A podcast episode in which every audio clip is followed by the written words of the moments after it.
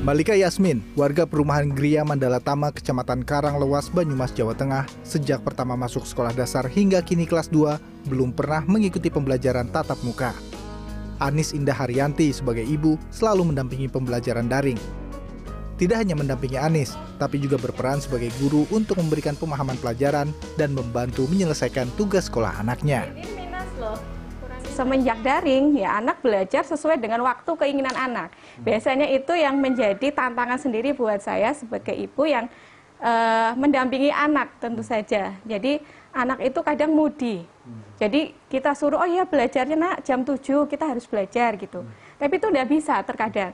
Jadi anak itu biasanya akan belajar kalau dia mudi. Kalau moodnya udah dapat, ayo mak kita belajar gitu. Nah kemudian uh, itu dari sisi waktu. Kemudian uh, jadi membuat anak kurang disiplin gitu lah ya mas biasanya.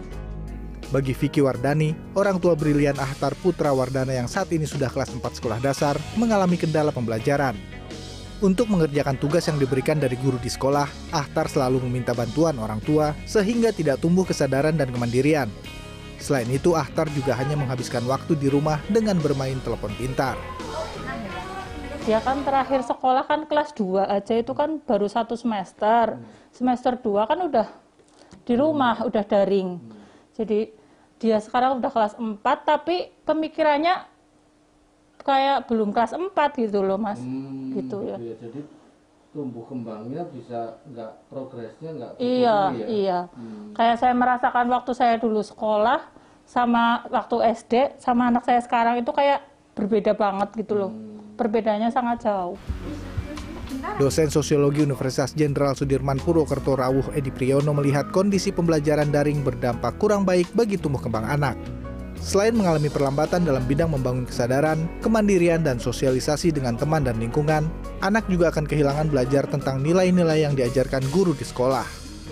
Pendidik itu kan tidak hanya menyisipkan transfer knowledge, transfer ilmunya tok, tapi kan ada budi pekerti yang bisa dilihat dari perilaku keseharian, bagaimana perilaku gurunya, itu kan dicontoh ya gitu.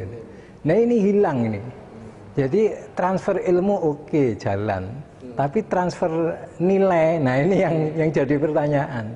Saya kira ah, sesuatu yang sangat besar lah, nilai-nilai itu akan hilang. Nilai-nilai sosial kita, nilai-nilai kekerabatan kita, ya nilai apa pun. Untuk mengatasi masalah ini, pemerintah seharusnya segera melakukan langkah-langkah strategis agar anak dapat belajar secara langsung atau tetap muka di sekolah.